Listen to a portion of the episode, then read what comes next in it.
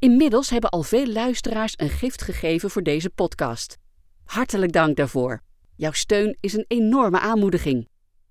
Ook komend jaar willen we graag weer producten als de Bijbelpodcast Eerst Dit blijven maken en nieuwe lanceren, zoals een Bijbelpodcast voor tieners, Eerst Dit avondgebed en een nieuwe serie Moderne Profeten. Daarin zijn we helemaal afhankelijk van jouw financiële steun. Daarom, mocht je nog geen gift hebben overgemaakt, doe dat dan alsjeblieft vandaag nog. Dat kan via het berichtencentrum in de Eerst Dit-app of op de website www.izb.nl. Alvast heel hartelijk dank. Eerst dit, de Bijbelpodcast van de Evangelische Omroep, IZB en NPO Radio 5, die je elke werkdag helpt ontdekken wat Jezus volgen voor jou betekent. Vandaag door Jan Maarten Goedhart.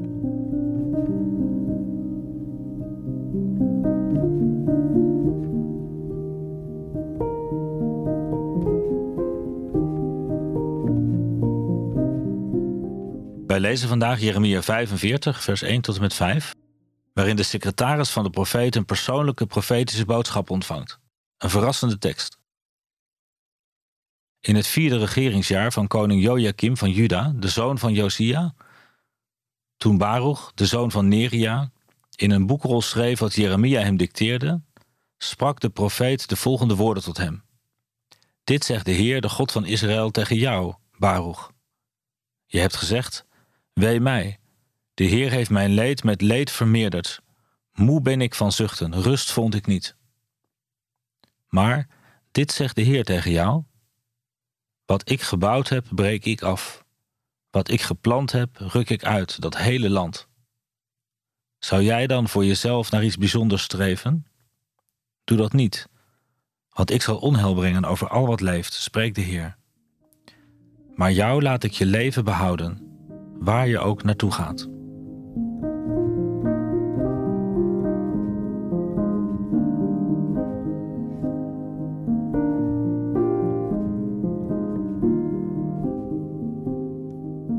Er zijn in onze samenleving en in de kerk talloze mensen zoals hij, die met grote trouw en toewijding in stilte een taak vervullen die onopvallend en weinig spectaculair is, maar toch van cruciaal belang.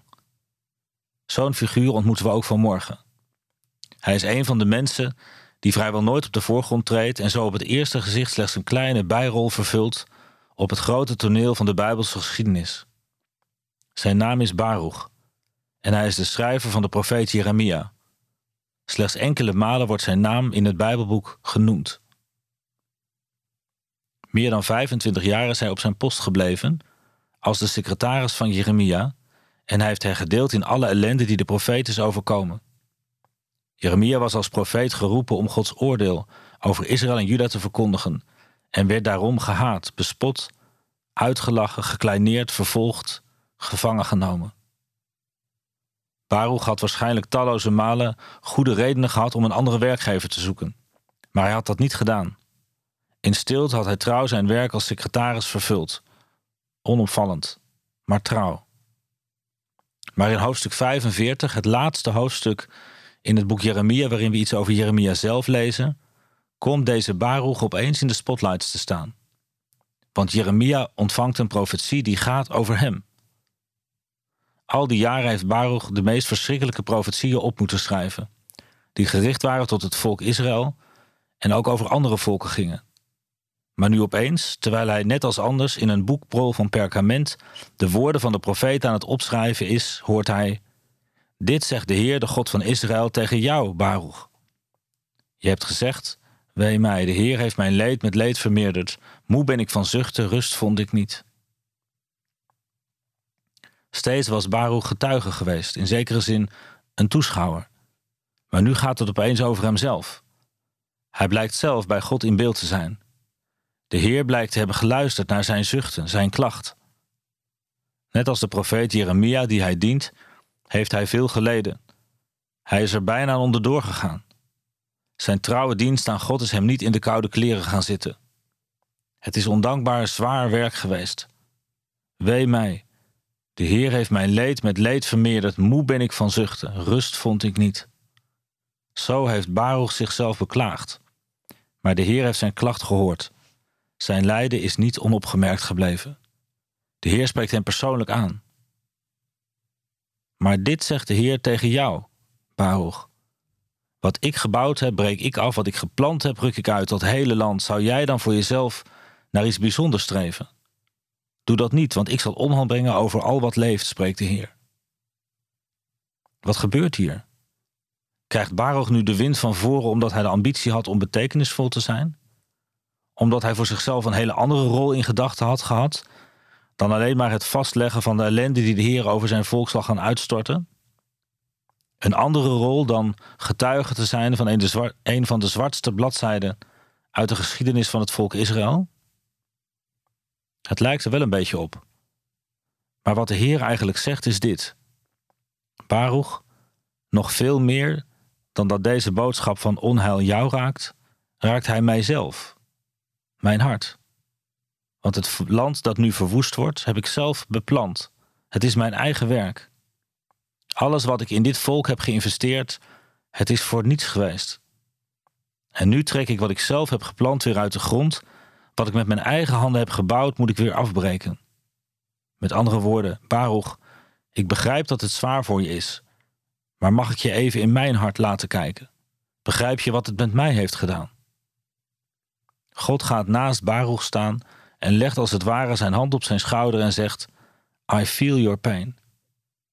Denk niet dat al dit kwaad mij niets doet. Maar ik heb je gezien. En wat er ook gebeurt, ik zal onheil brengen over al wat leeft, spreekt de Heer. Maar jou laat ik je leven behouden, waar je ook naartoe gaat. Wat er ook gebeurt, ik laat je niet los. Te midden van dood en verderf zul je staande blijven. Je zult leven.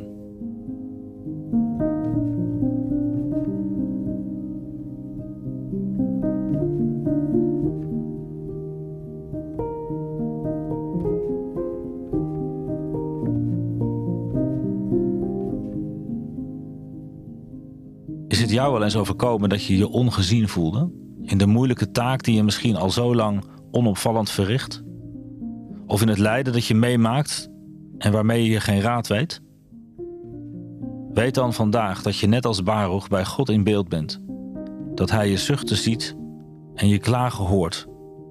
En Hij laat iets van zijn eigen hart zien, om de gebrokenheid die er is.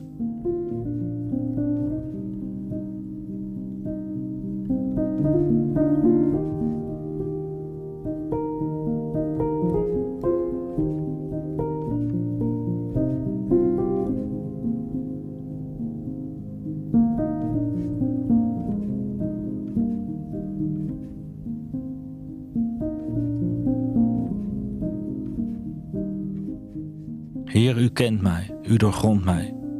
U doorziet van verre mijn gedachten. Dank u dat ik ook vandaag bij u in beeld ben, met alles waar ik onder gebukt ga. Laat mij, net als Baruch, uw hart zien voor deze wereld in nood.